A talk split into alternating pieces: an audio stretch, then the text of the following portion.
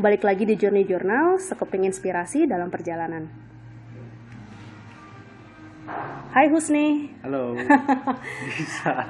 hari ini bintang tamu gua namanya Husni. Husni ini teman eh, teman lama gua. Dulu sempat satu kantor. Ya. Sekarang eh, Husni domisilinya di mana Husni? Gue di Bandung. Di Bandung ya. By the way, gua hari ini lagi di Bandung. That's why gue bisa ketemu sama Husni.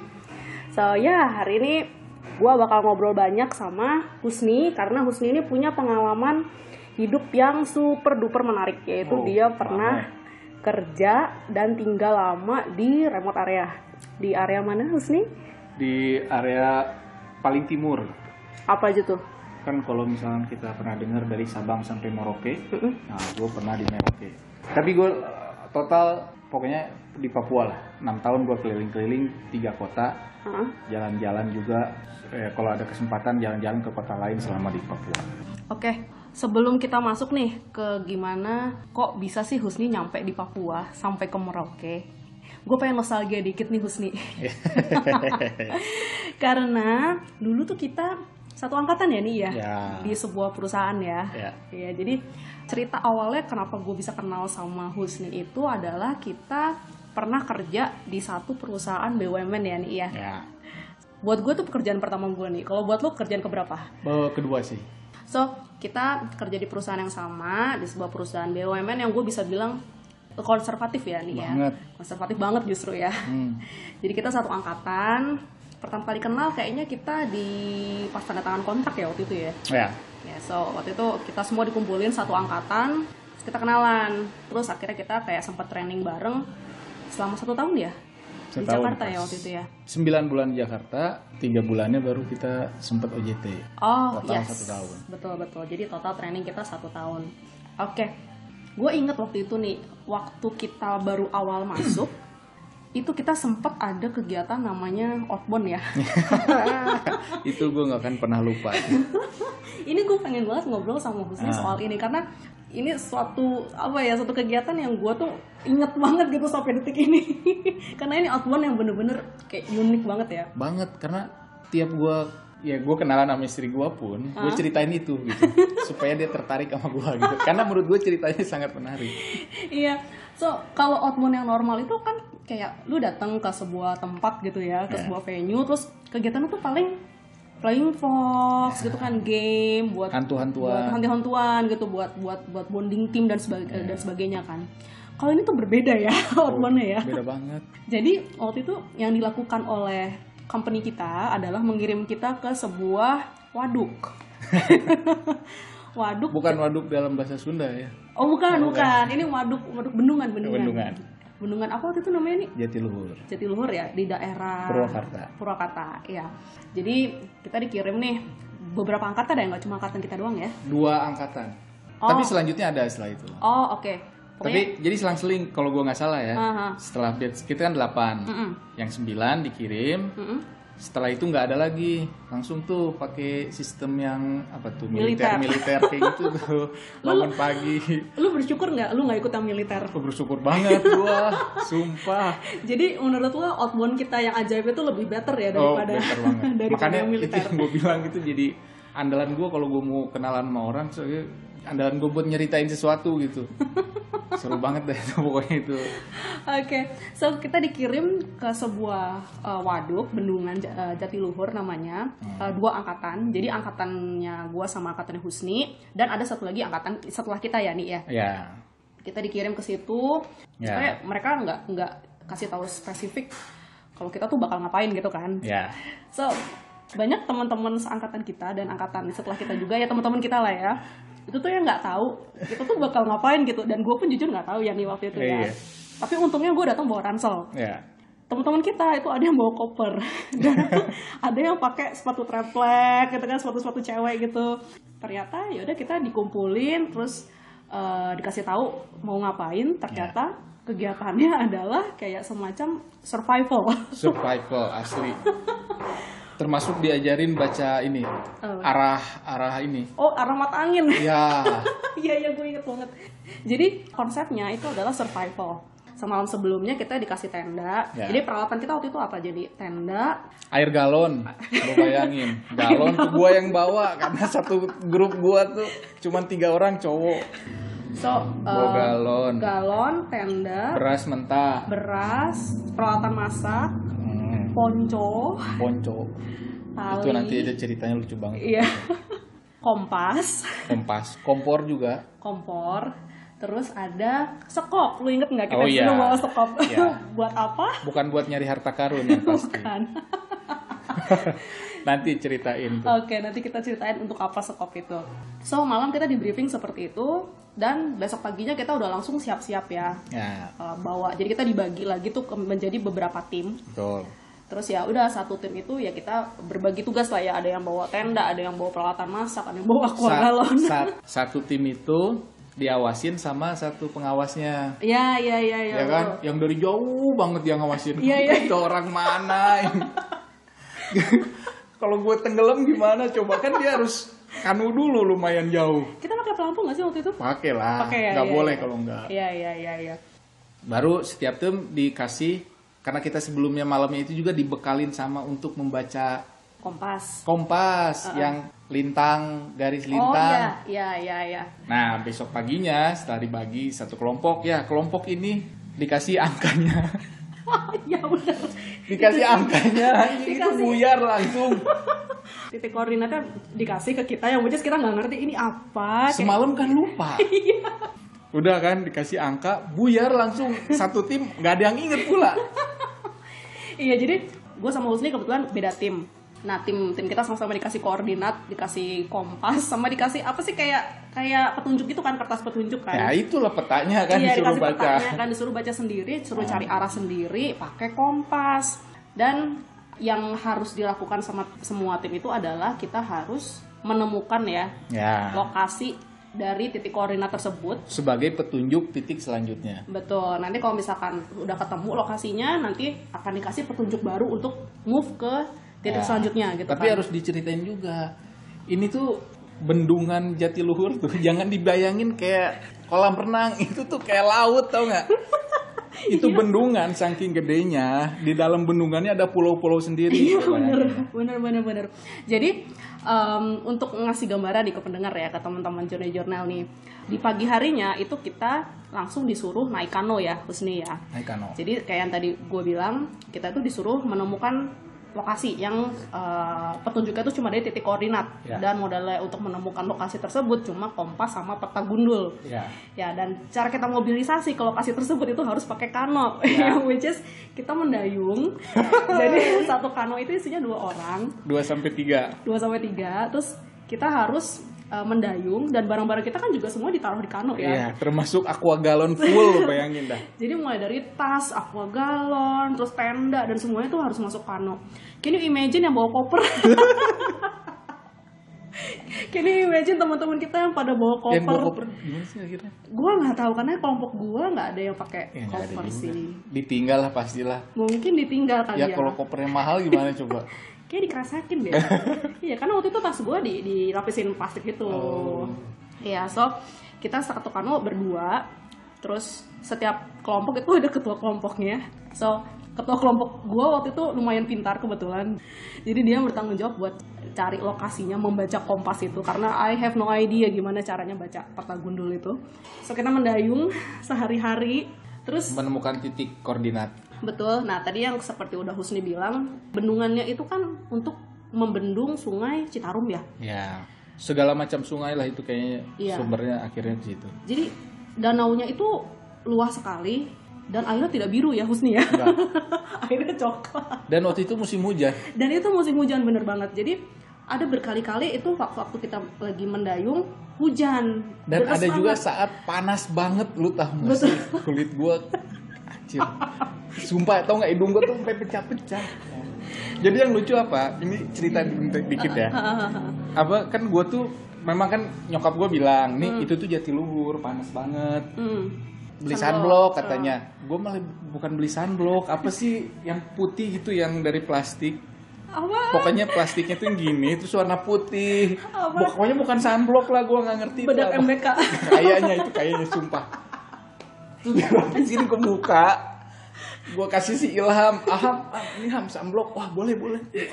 Muka kita gua sama Ilham putih anjir kayak pakai topeng. Itu satu kelompok ya jadi hiburan sih akhirnya. Satu kelompok ngakak semua.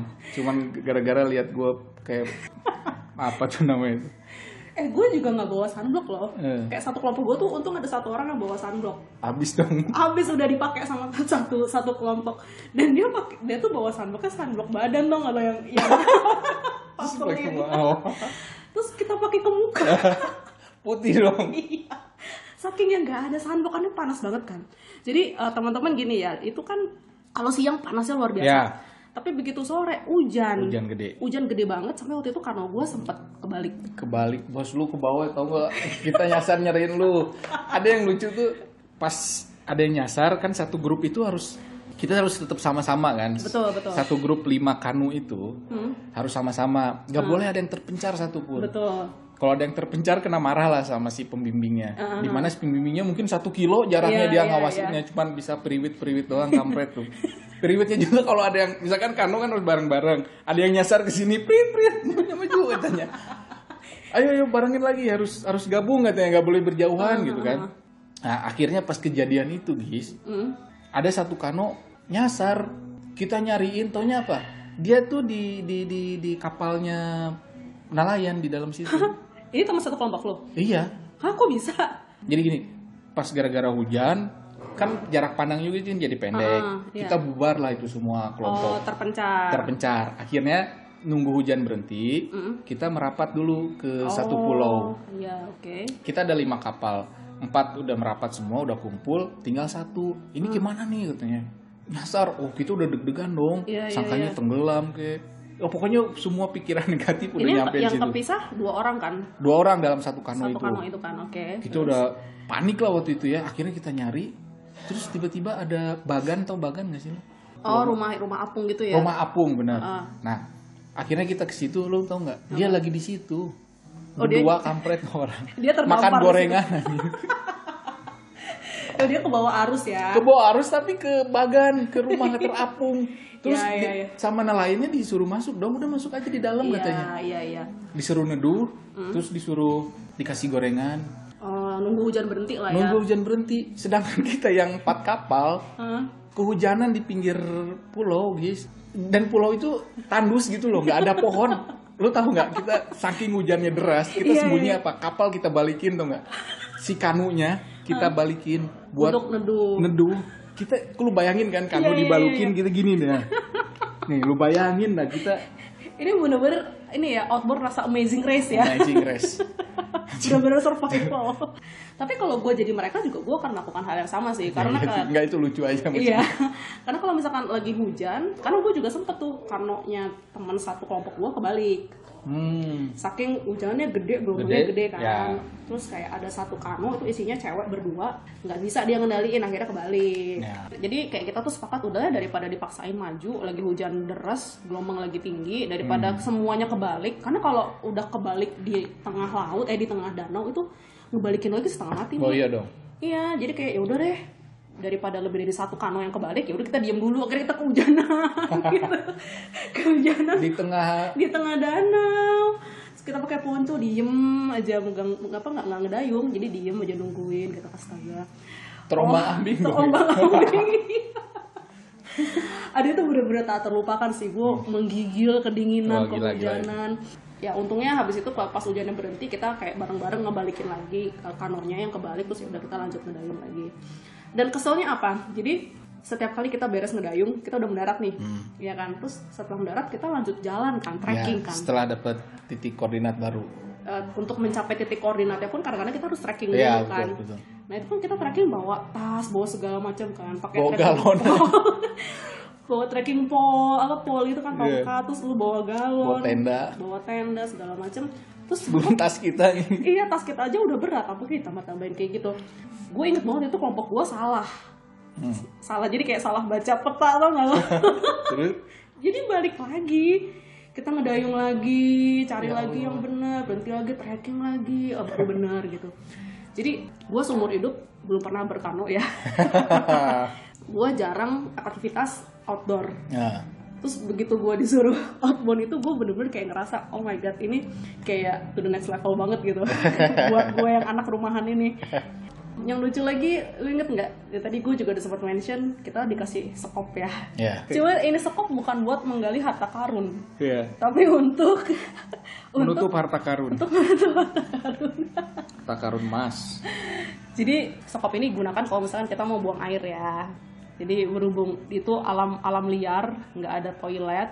Jadi kalau misalkan lu kebelet buang air besar atau air kecil, terutama air besar ya, lu harus gali tanah pakai Ya. sekop itu. Terus lu buang lah itu hajat, terus lu kubur lagi pakai sekop itu. lu sempet nggak? Sempet lah. Ya, gimana lagi gue masa. Gue Gua enggak. oh kalau nggak aku pernah kepake dulu Iya, stop. gua tahan-tahan sampai tiga hari, eh lima hari apa tiga hari? Aja tiga. Iya, gue sampai sampai sembulet bodo amat deh. Gue nggak mau pakai itu skop. Nah terus eh, apa namanya? Udah kita berkamu berapa hari ya? Kita kan sempat nginep di tent, nginep di tenda gitu-gitu kan. Dua Iya. dua malam ya kalau nggak salah ya. Kan nginep sehari di apa tuh yang di gedungnya dia itu kan. Besoknya Besoknya langsung berkano, terus tidur di tenda. Ya. Habis itu depan, besok lagi berkano lagi ya. tidur tenda lagi. Tidur tenda lagi. Nah besokannya baru hari terakhir. Tidur di hutan. Ya, jadi kita sempet tidur di hutan ya teman-teman Finalnya. ya. Malam terakhir itu, jadi eh, dalam rangka apa ya refleksi diri kali ya mungkin maksudnya ya. Iya, iya, iya. iya. Jadi acara terakhir kita di Outbound Survivor itu adalah kita dipisahin nih satu-satu. Misalkan satu satu kelompok itu ada lima orang aja ya. Lima orang ini dipe- dipencar ke berbagai tempat yang berbeda. Nah, gue waktu itu kedapatan ada di d- eh, dalam hutan. Jadi kayak gue ditarik gitu sama-sama pembimbing gue, pembimbing kelompok gue. Terus kayak dicariin satu lokasi gitu di dalam hutan. Terus udah dia bawa gue ke sana. Terus tiba-tiba dia bilang kayak yang, udah ya kamu bikin tenda di sini. kamu spend the night, kamu nginep di sini malam ini, kamu bikin tenda pakai ponco. Dan itu bekal dari tiga hari yang lalu. iya, itu Mana inget? kali pertama dalam hidup gue Husni gue suruh bikin tenda pakai ponco gue Iya, nggak iya. ngerti gimana caranya iya. jadi hari pertama itu kita sempat diajarin caranya bikin tenda pakai ponco Ya. tapi kita nggak inget sama sekali Dan di hari tahu terakhir bahwa caranya itu akan dipakai. iya kita semua nggak ada yang dengerin gitu kan katanya ah ya udah oke nih pengetahuan umum aja ternyata hari terakhir kita beneran disuruh masuk ke dalam hutan terus disuruh bikin tenda pakai ponco Iya. itu gue nggak ngerti sama sekali caranya gimana jadi kayak gue ditaruh di situ terus ditinggal aja oh my god itu udah agak sore dan gue bener-bener have no idea gimana caranya dan gue udah lupa kan ilmu-ilmu yang diajarin akhirnya gue bikin kayak aduh udah yang penting nggak kena hujan aja karena sempat gerimis malamnya gue Iya. sih udah yang penting tenda gue bisa menutupi kepala aja Hebat banget lu bikin tenda. Gua enggak. lu gimana emang Gua langsung aja gua tutup. Gua pakai ponco.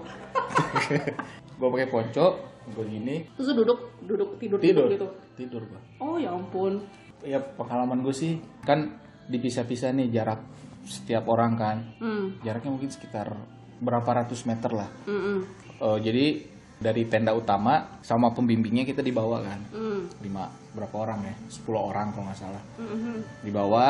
Nah, dalam perjalanan setiap orang itu ditinggal. hmm Kamu di sini katanya.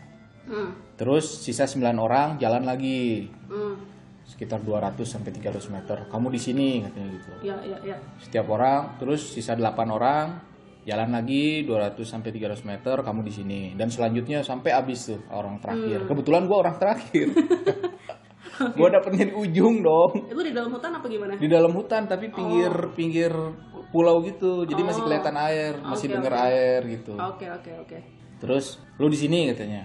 Oh, memang sore waktu itu kan menjelang maghrib masih ada sinar matahari dong, redup-redup gitu kan. Masih kelihatan lah. Tapi lama-lama kan udah maghrib Iya, sampai ke malam kan. Pantesan gue curiga kenapa dikasih lilin aja. eh kita kan dibekalin center juga Iya iya iya iya. iya kan ada center Terus kan? dikasih lilin kan ya center kan gini doang kan akhirnya kasih lilin. udah redup tau gak lo di hari ketiga Oh, karena dinyalain mulu kan dua hari sebelumnya terus terus Terus dikasih lilin. hmm. Nah sebelum malam gue berakin dulu tuh sengaja aja. Karena gue takut berak malam kan. Gue berak dulu sengaja gak pengen berak gue paksa-paksain. Gue berak dulu pakai itu sekop andalan gue tuh. Set. Nah selesai berak. Terus disuruh nulis dulu apa eh, apa dikasih kita kasih pulpen sama kertas kosong Oh kan iya, jurnal gitu kan, ya tulis. tulis cita-citanya apa terus kayaknya tulisan pengakuan dosa gue salahnya gue malah nulis pengakuan dosa Gue udah lupa gue nulis apa udahlah. gue salah tuh harusnya gue nulis cita-cita ya Terus, terus udah habis gitu udah mulai malam udah nggak kelihatan apa-apa hmm, gue hidupin lilin oke. dengan ditemani suara-suara apa ya toke gue inget banget sama suara-suara apa pohon bambu Oh, lu dapat di bawah pohon bambu. Iya, Oke, ini gue punya cerita nih kalau soal pohon bambu. Oke, lanjut dulu. terus gue udah nulis di bawah lilin kan pas lagi nulis tuh nggak pas gue hidupin lilin gue dengar suara berdesis Apa nih? Ternyata Ular. biawak. Oh ih, kan banyak biawak kan di sana. Gue nggak nemu sih. Untungnya alhamdulillah ya. gue matiin lilinnya. Gue matiin lilinnya. Padahal masih jam setengah tujuh kali ya. Kenapa malah matiin? Nanti nggak kelihatan dong kalau dia mendekati lu. ah nggak peduli gue justru gue tuh takut dia mendekati lilin karena ada lilin kan. Akhirnya makan udah berak udah kan. Nulis udah tinggal setengah nanti gue tulisin aja lah. Gue lanjut aja besok pagi gue bilang gitu kan. Hmm. tinggal apa lagi? Nggak ada lagi dulu gue tidur aja. Padahal jam 7 tapi nggak bisa tidur ya gimana mau tidur suara toke ada suara Iya, iya, iya. daun bambu serem banget Iya, iya. Sama sih. Gue kurang lebih juga sama. Tapi gue berhasil bikin tenda. Nggak tenda sih bentuknya. Lebih kayak terpal aja gitu. Di, diikat dengan dengan tali tambang. Gue ikat ke batang pohon. Bodo amat. Yang penting gue nggak kena gerimis. Kan ah, sempat gerimis waktu itu Iya. kalau nggak salah. hujan malah Terus ya udah akhirnya gue meringkuk di bawah terpal ponco itu di dalam sleeping bag terus gue nulis jurnal juga itu kalau gue center nggak gue matiin semalaman karena gue takut serem gelap, gelap banget. Nah terus udah tuh malam itu berlalu. Besokannya pas kumpul lagi sama kelompok gue nah ada satu satu orang dalam kelompok gue dia cerita gue tadi malam dapat tidur di bawah pohon bambu. Terus malam-malam ada suara kuntir. Katanya mampus lah tapi gue rasa dikerjain kali itu sama panitia Iya, kali ya. tahu ya. Dia bilang ada yang ketawa-ketawa, suara cewek di atas, atau yang dalam hati gue ya Allah, alhamdulillah setidaknya gue nggak ketemu hal aneh-aneh ya meskipun gue kedinginan tapi dan ada yang, yang kelompok gue ada yang lucu juga. Apa? dia kan dapetnya di sini. Nih lu tidur di sini katanya. Hmm. tapi tanahnya miring. Nggak enak dong tidur agak miring kan. Aha. akhirnya ah gue nyari deh sendiri. Setelah Hmm. ditinggal sama pembimbing dia nyari sendiri jalan ke arah atas Mm. jalan ke arah atas lu tau apa? Dapetnya kuburan. Dia bilang daripada gue tidur miring gak enak katanya. Udah gue Dia tidur di kuburan. deket kuburan. Gila, gue mending tidur miring sih kalau jadi dia.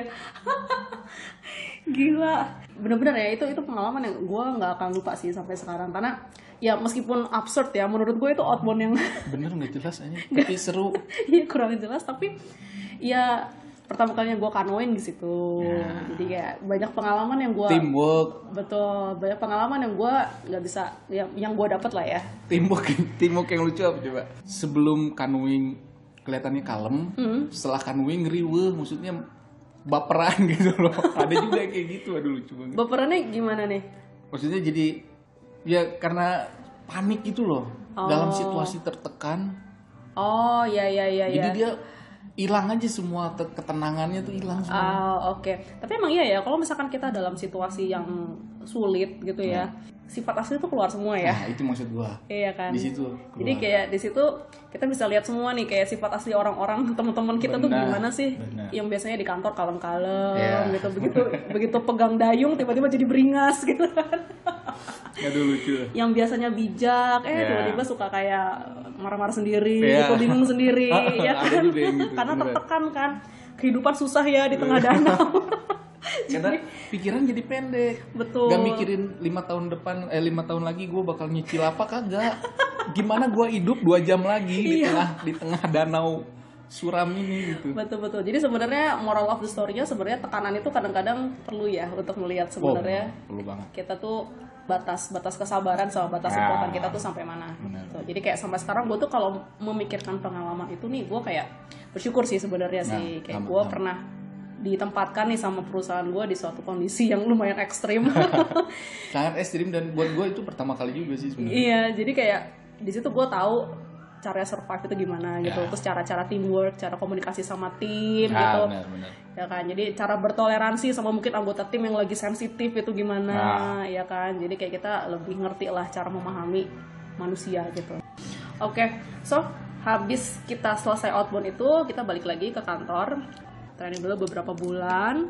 Terus mulailah kita menjalani program namanya on the job training Ya. atau OJT lu dapat di mana waktu itu OJT-nya Dua tempat gua di Pekalongan pertama, Mm-mm. Jawa Tengah tuh, sama di Sukabumi. Sukabumi oh oke kalau gua dapetnya yang pertama di Surabaya yang kedua di Tulungagung lu gimana so far pengalaman OJT di Pekalongan ya? Ya. Lu pertama kali ke Pekalongan waktu OJT itu atau iya. gimana? Gua bawa motor, guys. Ah, Motor dari, gua dia dari Bandung, dari Bandung. pakai kereta. Buat informasi aja, pakai kereta bisa bawa motor, dikirim ke nyampe ke Pekalongan berapa sekitar gope kalau nggak salah 500 ribu. mau ribu Mm-mm. nah udah akhirnya gue mobilisasi di sana pakai motor Hmm. karena emang gue orangnya suka jalan kan Mm-mm. iya udah pekalongan gue ubek aja tuh sampai ke ganggang Oh. yang penting nyampe lah balik lagi ke titik semula Kalau gue dulu sempat di Tulungagung dengan tiga bulan. hmm. Tulungagung itu kota kecil ya, jadi lebih kecil dari Kediri. Tadinya tuh gue sempat di Kediri kan. Hmm. Kediri itu agak lebih besar sedikit dari Tulungagung. Hmm. Terus akhirnya gue di move ke Tulungagung karena di Tulungagung lebih butuh untuk uh, OJT. Tulungagung tuh kecil, hiburan gue satu-satunya cuma memberi makan burung merpati di alun-alun. kayak di Paris dong ya. Iya, tapi tapi itu fun juga sih karena kotanya kecil, bersih gitu. Iya. Terus bioskop tuh cuma ada satu. Filmnya pun kayak udah kayak satu tahun ke belakang gitu. Oh, ada bioskopnya kebayang sih Iya, tapi but it's fun sih. Eh, orang-orangnya juga baik-baik, makanannya enak-enak. Ya oke lah. So far sih pengalaman gue OJT cukup menyenangkan lah. ya. Oke, nah habis OJT eh, barulah akhirnya kita ditempatkan secara permanen ya nih. ya Nah ini nih mulailah deg-degannya luar biasa ya nih ya. luar biasa tapi gue inget banget kan tadi di awal kan gue bilang kan kita ada batch 8 sama batch 9 kalau gue inget sebenarnya kan kita satu angkatan batch 8 sama 9 karena kebanyakan orang akhirnya dibagi kelas kan Mm-mm. jadi dua kelas 8 sama 9 sebenarnya tanda tangan kontraknya sama tuh Yes. 9 tuh kantor pusat semua Iya bener bener bener bener. Jadi kita agak-agak apes ya sebenarnya ya Apes angkatan banget. kita ya. Jadi gini teman-teman, ada batch 8 ada batch 9. Batch 8 which is batch kita Iya. itu dapatnya seluruh Indonesia ya penempatannya ya. wah semua Dan gua sama Husni kebetulan salah dua yang termasuk paling apes ya karena paling kita apes ke timur paling jauh gitu penempatannya. Karena teman-teman kita yang lain ya di luar Jawa sih, cuma masih kota besar gitu ya. Ada yang di Medan, ada yang di mana di mana. Kita kebetulan itu dapetnya area timur. Ya which is gue inget banget. Kita berangkat bareng ya Husni ya bareng ke Makassar. kita berempat ya atau berlima? Lima Berlima ya. Kita berlima nyampe di Makassar bareng karena kayak semacam kantor regionnya gitu ya di Makassar Ya. ya. Nah dari region itu baru kita dikeluarkanlah SK penempatan yang sesungguhnya. Kalau gue waktu itu berhenti sampai Makassar aja, mungkin gue nggak akan nggak akan nggak akan dapat pengalaman yang yang luar biasa nih. ya. Tapi gue waktu itu tidak ditempatkan di Makassar. Lu juga enggak. Enggak. gue ditempatkan di sebuah kota kecil yang 6 jam dari Makassar. Yang which is namanya adalah Sengkang. yang kalau misalkan kalian belum pernah dengar Sengkang, coba googling sekarang. googling aja dan lihat di peta Sengkang itu di mana. lu waktu buka SK ngintip apa gimana dipirit nggak Enggak sih. oh enggak kayak langsung buka aja bodoh karena gue udah tahu kayak kalau udah nyampe Makassar tuh pasti ya udah nasib lo udah di tangan Allah aja gitu. lu dapet di mana Husni? gue di Manokwari Manokwari Papua ya. Papua Barat dan itu pertama kali gue denger kata Manokwari tau nggak Serius? jadi sebelumnya sebenarnya gue bocorannya eh, biasa lah ya kan gosip-gosip office ya kan gosip-gosip kantor kan di mana di mana di mana Aha. katanya gue dapetnya di Ambon Oh, I see. Iku ibu juga pernah dengar gosip itu. eh, iya kan terus tiba-tiba nggak tahu kenapa karena setelah ketemu si wakil pemimpinnya akhirnya gue dipindahin karena muka gue katanya mirip muka orang Papua. Akhirnya di- diganti jadi Manokwari. Pertimbangannya karena muka ya. iya. Ya nggak tahu kenapa ya. Gue googling langsung. Hmm. waktu itu ada masih ada Google Earth. Gue ketik Manokwari. Buset muternya jauh banget. Set. Udah udah udah udah loh loh loh ini di Papua gue bilang. Di kepala burungnya. Ah, barusan di situ 2010 gue tahu kata Manokwari Oke. di situ gue Oke, sebelumnya nggak tahu Manokwari di mana So ya udah kita berdua dapat SK, gue ke Sengkang, Husni ke Manokwari, terus ya udah kita berpisah ya waktu itu Berpisah. ya. Gue berangkat ke Sengkang naik mobil angkutan gitu. ya Sini naik pesawat lah. Pesawat dong, gaya. Penerbangan perintis ya. Iya. pesawat kecil. Terus nyampe di Manokwari, first impression lo gimana nih? Ni? Hmm, kan memang di sana bandaranya udah bisa masuk Boeing. Hmm. Cuman landasannya itu pendek. Oke. Nah, setelah di sana pun gue baru tahu bahwa pernah ada pesawat merpati Hmm.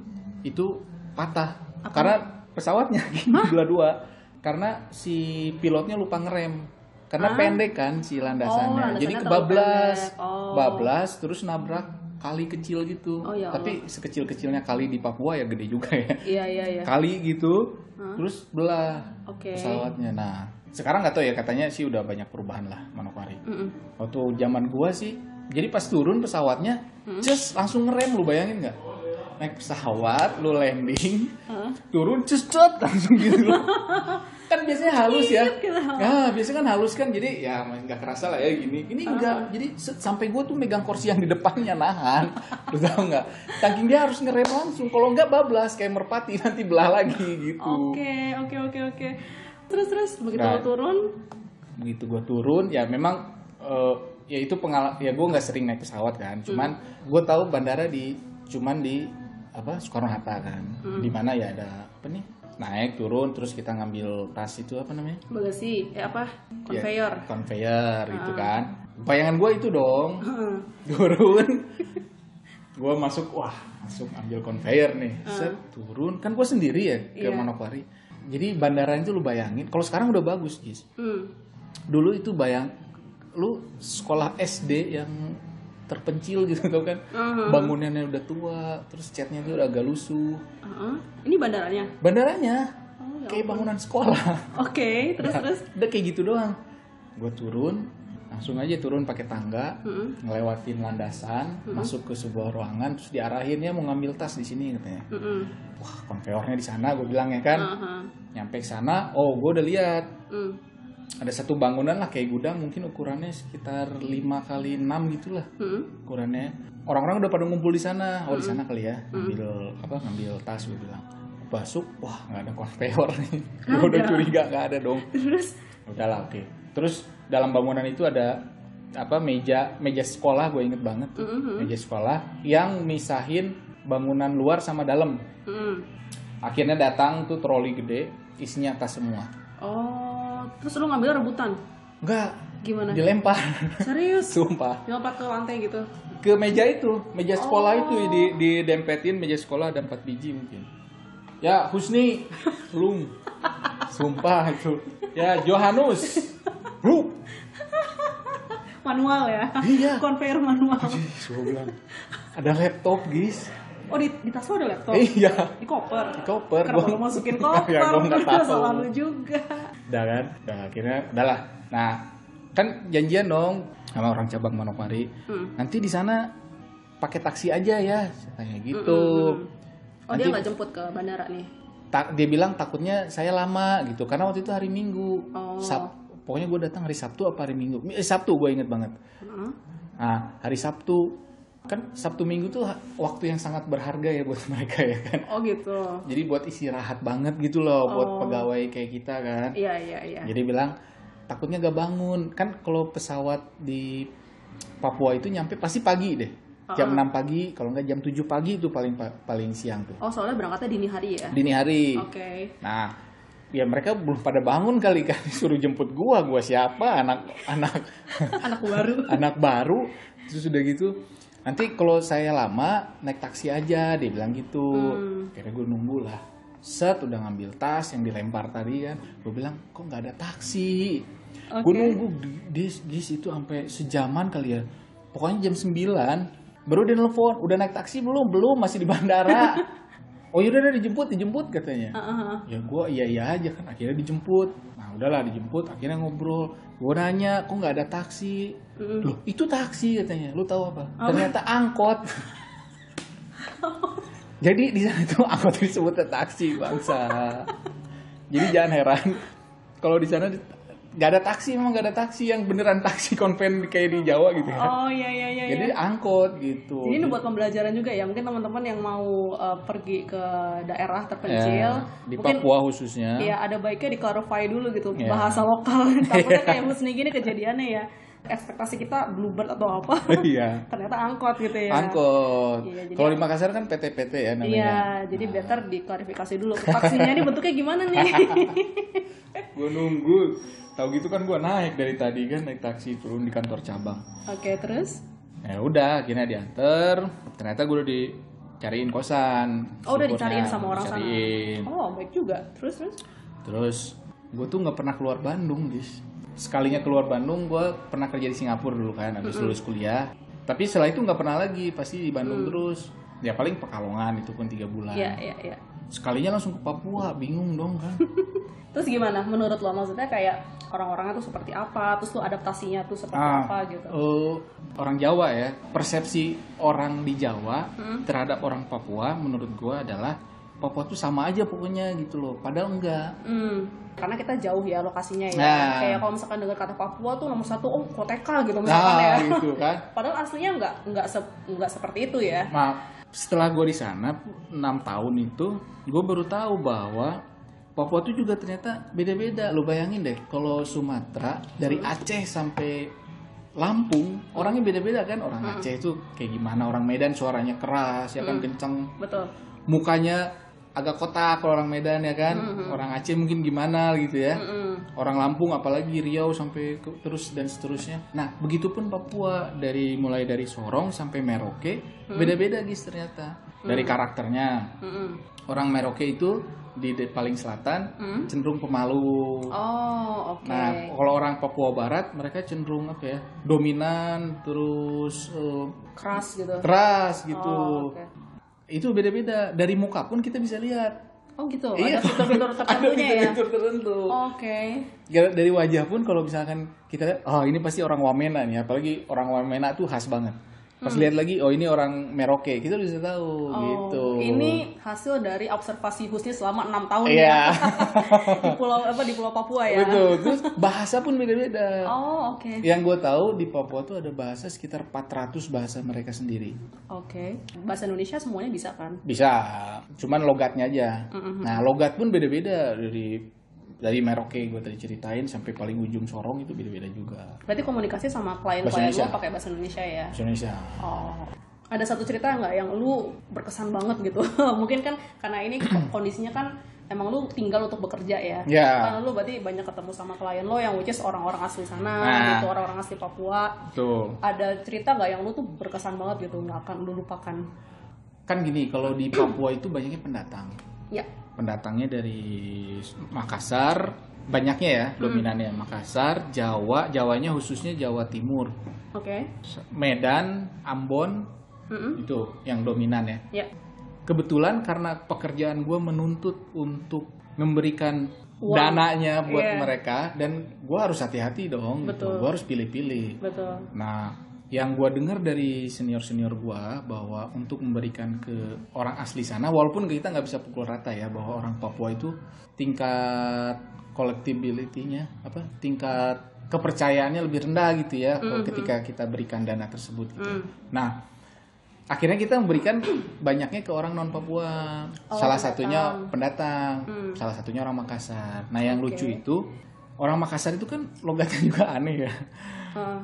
Nah, dia datang kan ke gua ke meja. Set, Pak, saya mau pinjam dana. Gua bilang, "Oh ya, usahanya apa?" "Eh, saya jual beli bank." Jual beli bank. Oh, anjir, keren gua bilang. Ini maksudnya bapak punya bank, bapak Nah, jual. lu dengar dulu nih. Apa gimana nih pak? gue gue kan juga kaget juga pelatihan nggak ada nih jual beli bank kaget gue jual beli bank oh iya ya terus apa lagi pak ya ada juga oli.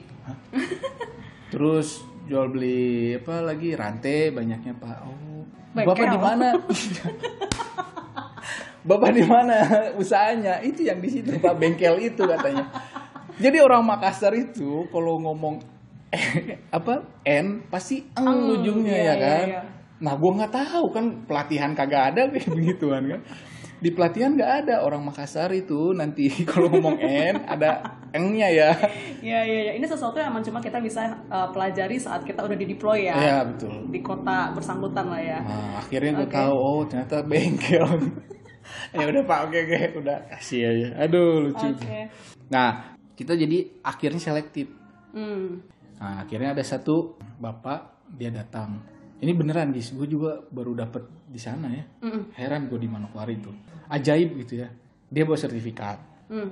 Dia mau ajuin. Dia jaminin kan dia sertifikat. Terus gue lihat kan namanya katakan A ya. Di sertifikat namanya B. Oh. Oke. Iya. Bisa dong asal satu keluarga kan, Iya. ayahnya atau ibunya atau kakak atau adik ya kan. Aha. Oke, atau kalau dalam perusahaan mungkin dia struktur dalam struktur organisasi perusahaannya term- masuk ke situ kan bisa dong. Betul. Tapi ini kan perorangan, berarti oh mungkin keluarga gue bilang kan. Iya. Tanya, Pak ini siapa? Oh ini bapak angkat katanya. Oh. Waduh, gue bilang nggak bisa Gak bapak bisa, angkat, keluarga ya. harus nama bapak sendiri. Mm-mm. Oh begitu ya? Dia bilang gue pakai logat Papua ya. Oh, oh baik kalau begitu adik katanya. Hmm. Baik, nanti saya kembali. Mm-mm. besoknya beneran dia datang dong buset gue bilang si bapak ajaib sertifikatnya banyak Oh iya. enggak gue pikir ya Oke. terus datang lagi eh, eh bapak bagaimana ini adik saya sertifikat su atas nama saya Aha. coba pak lihat dulu terus gue lihat kan lu tau nggak sertifikat kan hijau kan guys Uh-uh. gue masih inget kan bentuk Iya iya iya iya. hijau terus ada yang namanya di yang lembar kedua itu kan Iya, sebelah kiri namanya iya, kan iya. lu tau nggak ditutup pakai kertas Ya Tuhan. kertasnya digunting dan apa coba dia agak niat sedikit sih kertasnya dia print Oh. kertasnya dia print pakai nama dia terus dia gunting terus dia tutup nama yang Well. lamanya Loh bapak su nama saya katanya gitu gue mau ngakak guys. Tapi nggak tega gimana ya? Kasihan nih bapak mungkin kan ya butuh sesuatu gitu ya. Dia mungkin mau memulai usaha punya harapan lain lah atas Iya. uang yang mau dia pinjam gitu ya. Iya iya iya. gue kopek aja nih kira. Gue kopek. Di depan muka dia lu kopek. iya. Nah pak ini masih nama yang lama saya bilang. Ah tidak bisa bawa pulang pulang pulang. Tapi ya untung untung ya untung ini ya kurang cerdas ya memasukkannya jadi kayak lu gak ketipu anyway oh gitu. iyalah nggak mungkin lah gue pelatihan 9 bulan ketipu gara-gara itu kan aduh lucu lucu ajaib sih itu gue ya. selama gue di bidang pekerjaan gue ini baru itu sih gue nemuin kan di sana tuh guys jaringan tuh susah banget Hmm. Sinyal sekarang maksudnya? ya jaringan internet Ah. jaringan sinyal kalau zaman sekarang katanya udah gampang karena udah ada fiber optik nyampe ke sana Oh. lewat bawah laut gitu dulu nggak ada bener-bener cuman pakai ngandelin tower gitu loh Oke. Nah, tower itu kan nyangkut tengah jalan ya nggak tahu sinyalnya mungkin hilang atau gimana. Kan dulu masih musim BBM kan. Lo percaya nggak? Kalau BBM itu gua kirim sekarang, nyampe nya nanti anjir malam sumpah. Sumpah guys gua nggak bohong itu 2010. BBM chat kan? Iya, BlackBerry Messenger. BlackBerry Messenger. Misalkan dia nyampe, ting, wah ada BBM nih gue bilang. Ah. Dari gebetan dulu misalnya kalau masih gebetan kan. Gue bales, ih dia nggak balas lagi. Terus bilang, kok nggak ngebales sih? Gue bilang kan, apaan? Itu kan BBM dua hari yang lalu katanya. Makanya gue nggak pernah manjang sih pacaran kalau LDR gimana sinyal susah. Terus lu ini gak sih sempat eh, punya challenge gak sih saat nagih? Lu ini kan apa respo- responsible buat nagih? Oh, iya. Macet juga dong. Oh, Karena iya. gua dulu di Sengkang iya. Sangat. Gimana tuh? Lu ada pengalaman nggak? Gua ada pengalaman nih. Gue pengalamannya dilepas anjing. Hah? Anjingnya dia. Hah? Kan gue nagih nih. Pantesan supervisor gue Hah? dia nyuruh gue mulu gitu.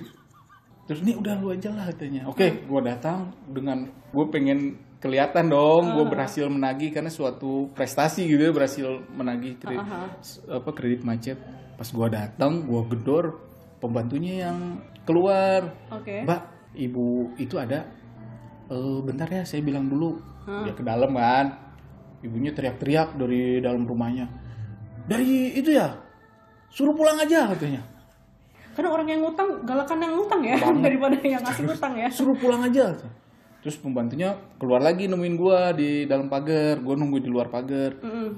Mas, denger sendiri kan mas katanya. Enggak mbak, oh, gue sok-sokan kan. Enggak mbak, saya mau nunggu di sini. Suruh pulang. Terus nggak lama diem, diem, diem, diem. Mungkin sekitar tiga menitan diem. Dilepasin anjing tau gak lo? Anjing gede. Gue lagi gini. Wuh. Anjing gede banget sumpah. Ya gue takut kan gue udah masuk mobil gue bilang udah udah udah bilang aja orangnya nggak ada gue bilang gitu.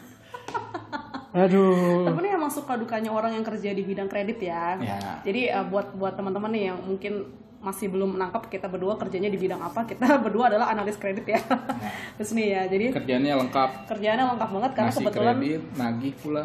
betul ke- kebetulan kita di di apa kota terpencil orangnya sedikit ya. Dikit banget. Jadi kita tuh merangkap gitu mulai dari yang nawarin kredit, yang analisa kredit sama yang nagih kredit juga kita kita juga. Kalau gue dulu punya pengalaman gini nih, waktu nagih. Eh, jadi ada satu nasabah gue itu punya bengkel Hmm. di Sengkang itu ya, terus macet nih Ya. kreditnya nih, terus bos gue waktu itu bilang udah kamu aja yang nagih, kalau kamu yang nagih pasti bayar. Dia bilang gitu. Ya udah dong, gue datengin dong, Ya. bapak-bapak nih udah agak tua gitu kan, terus datengin sekali banyak banget alasannya. Nggak bayar ah besok besok besok. Datengin lagi dong besoknya. Ah. nggak bayar lagi. Datengin lagi besoknya. Kagak bayar lagi. Akhirnya gue datang terus dong. Karena gue mau gue mau dia bayar gitu. Eh. terus akhirnya apa kayak setelah beberapa kali gue datang gue bilang kan pak kalau bapak nggak bayar saya bakal datang terus nih tiap hari ke sini gitu. Eh. gue bilang gitu dong. Terus dia bilang gini oh ya nggak apa-apa. Emang itu tujuan saya biar mbak datang terus ke sini. Biar saya bisa ngobrol sama mbak. Kurang ajar. Ini emang, emang susah ya. I mean like ini terutama buat buat yang cewek ya. Ya. ya cewek tuh kalau misalkan di daerah tuh emang harus ekstra hati-hati lah ya. Eh, apa ya chance buat lu di digodain itu. Digodain yang beneran dikerjain Karena ya, lu balang langka tuh enggak? Barang Iya. langka lu kalau di daerah. Digodain digodain literal ya maksudnya digodain emang digodain sama Iya. dikerjain gitu Iya. itu lebih lebih besar karena mungkin dia pikir kayak ah lu pendatang gitu. Karena kecil gitu kan. Gue tuh masih umur 21 nih. Masih baru baru lulus banget. Iya, iya, iya. Iya kayak aduh kan gue masih masih bego-bego gitu ya. Gue pikir ini orang kenapa nggak bayar-bayar gitu ya. Gue datengin aja tiap hari. Eh ternyata emang itu yang dia mau. Kurang ajar. Oke so em, dari dari pengalaman lo nih Lo kan udah Ya. Lu lebih jauh dari gue ya penempatannya ya Ya. Eh, Lu ada life lesson nggak yang lu dapetin gitu Dari Lu berapa tahun? 6 tahun ya? 6 tahun in 6 total. tahun di Papua ya Ya. Ada satu apa ya kayak nasihat hidup nggak atau pelajaran hidup gitu yang lu dapet dari pengalaman itu Yang pasti karakter gue terbentuk juga salah satunya di sana sih. Gitu Karakter jadi kayak gimana nih Nah, gue terima kasih juga sih sama perusahaan gue. Pada awalnya gue menyesal gitu loh. Hmm. Gue bilang, kok bank banyak di Bandung? Gue bilangnya, kenapa gue harus di sini jauh amat gitu ya. Terus kayaknya iri banget lihat orang yang penempatannya di pada deket-deket Ah, ah, gitu, ya. gitu ya. di Jakarta gitu misalkan ya Iya, dulu gue jealous banget ya sama orang-orang yang dapet di Jakarta banget. Gue juga iri banget, dengki gitu ya. iri dengki aja pasangannya gitu. Nah, iya iya tapi gue baru sadar setelah balik terus beberapa tahun di sini ternyata karakter gue juga terbentuk di sana gitu nah gue bisa mengenal karakter orang. Gue nggak tahu ya itu bener apa enggak tapi menurut gue kan gue pindah-pindah cabang ya guys. Gue di Manokwari pindah ke Merauke pindah ke Jayapura. Gue kantor pusat lagi hmm. ya kan? Dari kantor pusat gue ke Bandung. Bandung gue pindah ke Jakarta lagi ke perusahaan lain gitu ya. Oke. Intinya gue ketemu banyak orang Mm-mm. dan kerjaan gue kan ketemu klien gitu ya. Betul. jadi gue bisa klasifikasiin orang gitu loh Hmm. karena lu ketemu sama berbagai jenis orang iya gitu Jadi- pada akhirnya gue bisa klasifikasiin oh orang ini kayak gini Oke, ini Orang ini mungkin kayak gini, satu gitu. keuntungan kalau misalkan di compare sama mungkin teman-teman yang ya penempatannya di Jakarta aja, Ya, gitu kan, yang gitu. dia udah mau kuliahnya di Jakarta, terus Ya. penempatannya di Jakarta pula, Ya, gitu kan. Atau ya gua nggak usah spesifik bilang Jakarta lah ya, Hmm. gua bisa bilang di satu tempat yang sama gitu Hmm, yang dia ya, nggak pernah ya. keluar pulau ya. ya Mungkin yang mereka ketemunya seorangnya tipikalnya itu itu aja gitu. ya ya Sementara Husni udah pengalaman banget ketemu sama Ya. berbagai jenis orang dari berbagai suku dan ras. nah karena ya karakter juga ditentuin sama suku dan rasnya juga gitu Betul. Jadi kayak lu udah tahu nih ah kayak ilmu lo jauh lebih tinggi sebenarnya kan dari ya mudah-mudahan lah yang ilmu inilah ilmu ilmu soal manusia lah Ya. ya, ilmu humannya. Ya. kalau ilmu yang lain mah nggak tahu ya. ya, ya bisa dibilang lah. jauh lebih tinggi gitu ya daripada yang mungkin nggak pernah ke mana-mana. Ya hidup di kota orang itu sebenarnya ilmunya banyak banget. Banyak bos benar. Oke tadi kita udah ngobrol soal pengalamannya Husni nih ditempatkan di remote area ya. Ya gue sekarang untuk penutup nih Husni. Gue pengen minta satu life lesson nih dari lo atau nasihat lah buat pendengar Journey Journal gitu. Mungkin di antara di antara pendengar Journey Journal ada yang bernasib sama seperti kita bertahun-tahun yang lalu gitu Ya, kan. betul. Mungkin mau ditugaskan sama perusahaannya ke, ke tempat terpencil atau mungkin lagi mau merantau nih untuk kuliah mungkin di kota lain dan sebagainya gitu. Meninggalkan kota kelahirannya atau meninggalkan comfort zone-nya untuk pergi ke tempat baru gitu. Ya. Nah, dari lu ada advice nggak? Ada kayak saran atau tips atau trik gitu supaya proses pemindahan ini, proses adaptasinya ini lancar gitu. Gue bisa kasih advice karena gue udah pernah Yes. merasakannya. Betul. Simple. Setiap ada kesempatan, Mm-mm. lu ambil aja dulu. Oke. Karena lu nggak tahu masa depan lu tuh bakal bawa ke mana gitu loh. Jadi begitu ada opportunity pokoknya ambil dulu ambil aja, aja gitu dulu ya. aja. Karena ya gue nggak pernah tahu bahwa gue bakal di Jakarta dulu, terus bakal ke Merauke dulu nggak pernah tahu. Hmm, hmm, hmm. Ya menurut gue jadi buat teman-teman yang mungkin lagi merenung nih, gue ambil jangan, gue ambil jangan. Karena guys ada beberapa pas gue mau cabut balik dapat SK pindah ke Jakarta, Mm-mm. itu kan ada pengganti gue nih yang baru. Mm-mm. Nah dia pada nanya gimana dong advice-nya, advice-nya ya, bilang gitu ya akhirnya Mm-mm. gue bilang lu ambil dulu aja kesempatan yang di depan mata aja lu ambil karena lu nggak tahu bakal seperti apa kesempatan lu ini sekarang gitu. Tuh. Jadi ya we will never know ya sebenarnya Ya, dari kesempatan itu bisa membawa kita ke tempat yang seperti apa sih gitu ya kan. where the future will bring us. Betul. Siapa tahu nanti begitu diambil ternyata lu sukses gitu di tempat baru Ya. ya. Atau lu dapet jodoh gitu.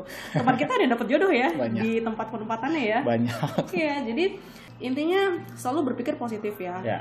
Terutama yang mungkin teman-teman yang usianya masih 20-an ya, 20-an awal masih pada baru-baru lulus Hmm. Masih kuliah. kinyis-kinyis. yang masih pada kinyis-kinyis. Nah, Ambil aja gitu kayak. Ya. Kalau misalkan kalaupun nih jelek-jeleknya kalau misalkan lu nanti ambil dan ternyata lu nggak betah, baru lu pertimbangkan. baru lu pertimbangkan Ya. dan at- dan setidaknya lu sudah dapat pengalaman yang luar biasa kayak kayak gue dan Husni gitu Ya. kan kita dapat pengalaman sempat tinggal di remote area gitu kan dan itu sesuatu Ya. yang kita bisa ceritain gitu sekarang sambil ketawa-ketawa ya anggap aja itu pengalaman hidup gitu Tuh, jadi karena kalau lu mikir dulu, ambil jangan ambil jangan oh hilang. Betul Nanti aja lu ambil baru lu pikirin gitu. Iya nggak? Simpelnya gitu sih. tapi ini terutama untuk teman-teman yang masih ini ya belum berkeluarga dan sebagainya ya Oh iya sih. ya mungkin kalau misalkan sudah berkeluarga ada pertimbangan lain Masih. kayak anak gitu kan Ya. fasilitas kesehatan dan sebagainya Ya, Tapi terutama kalau buat kalian yang masih muda-muda, ah udah ambil aja. Gitu. sikat bos. Iya, segala macam pengalaman hidup lu harus rasain. Benar? Benar. Oke, Husni, thank you banget udah mau ngobrol sama gua hari ini. ya, sama-sama guys. Masih banyak banget cerita yang kayaknya bisa kita gali nih. Wah, Tapi banyak. berhubung durasinya kayaknya gua harus batasi. Ya, Mungkin nanti kita akan bikin season 2 ya. Dengan senang hati. Season 2 gitu. Karena senang teman-teman pengalaman Husni ini luar biasa banget gitu. Dia sempat tinggal di pulau yang gua belum pernah kunjungin gitu. Dan enam tahun loh, can you imagine? Ya. Pasti kan dia udah ke mana-mana banget nih. ya. Dan pengalamannya banyak banget yang bisa di-share. Saking banyaknya sampai nggak bisa satu episode aja. Wah, nggak bisa. So next time kita bakal ngobrol lagi sama Husni. Ya. Tapi untuk episode yang ini, kayaknya gua harus akhiri dulu. Ya, Thank you banget Husni. thank you Gisa. Mudah-mudahan kita bisa ngobrol lagi untuk episode berikutnya Mudah-mudahan ada yang mau denger. dalam waktu dekat ya. Oke, thank you banget teman-teman udah dengerin Journey Journal. Sampai jumpa di episode berikutnya. Bye bye. Bye.